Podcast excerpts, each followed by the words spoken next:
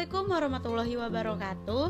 Nama saya Cahya Kamila, nomor absen 6. Pengendalian sosial merupakan salah satu usaha yang dari individu atau masyarakat untuk mencegah terjadinya penyimpangan sosial.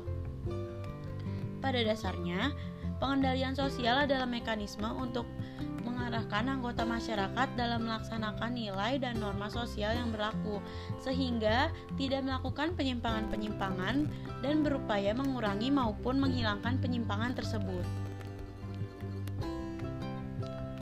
Menurut Peter L. Berger, pengendalian sosial adalah berbagai cara yang dilakukan masyarakat untuk menertibkan anggotanya yang membangkang. Project mengatakan Pengendalian sosial adalah istilah kolektif yang mengacu pada proses terencana, di mana individu dianjurkan, dibujuk, ataupun dipaksa untuk menyesuaikan diri pada kebiasaan dan nilai hidup suatu kelompok. Ahli sosiologi Bruce Cohen mengatakan pengendalian sosial adalah cara-cara yang digunakan untuk mendorong seseorang agar berperilaku selaras dengan kehendak kelompok atau masyarakat. Pengendalian sosial memiliki ciri-ciri sebagai berikut. 1.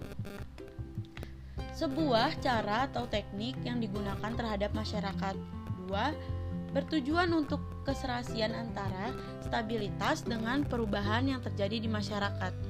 3. Dilakukan oleh kelompok terhadap kelompok lain atau individu lain.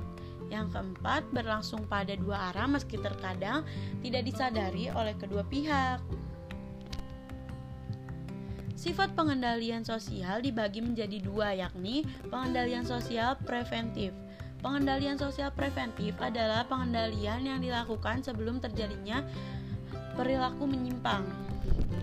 Pada pengendalian tersebut, langkah yang dilakukan lewat sosialisasi, pendidikan, penyuluhan, atau nasihat agar tidak melakukan penyimpangan sosial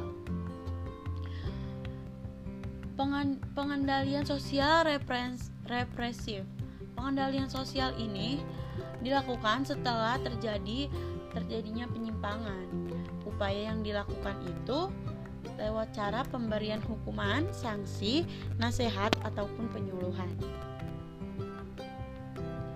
Berikut cara pengendalian sosial yang dilakukan masyarakat. Yang pertama, secara persuasif. Secara persuasif merupakan cara yang dilakukan tanpa kekerasan dengan cara menasehati himbauan atau membimbing agar tidak melakukan penyimpangan.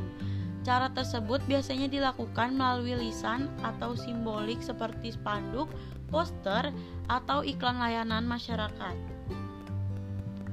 Yang kedua secara koersif. Cara koersif adalah pengendalian sosial yang di dengan cara paksaan atau kekerasan baik secara fisik atau psikis.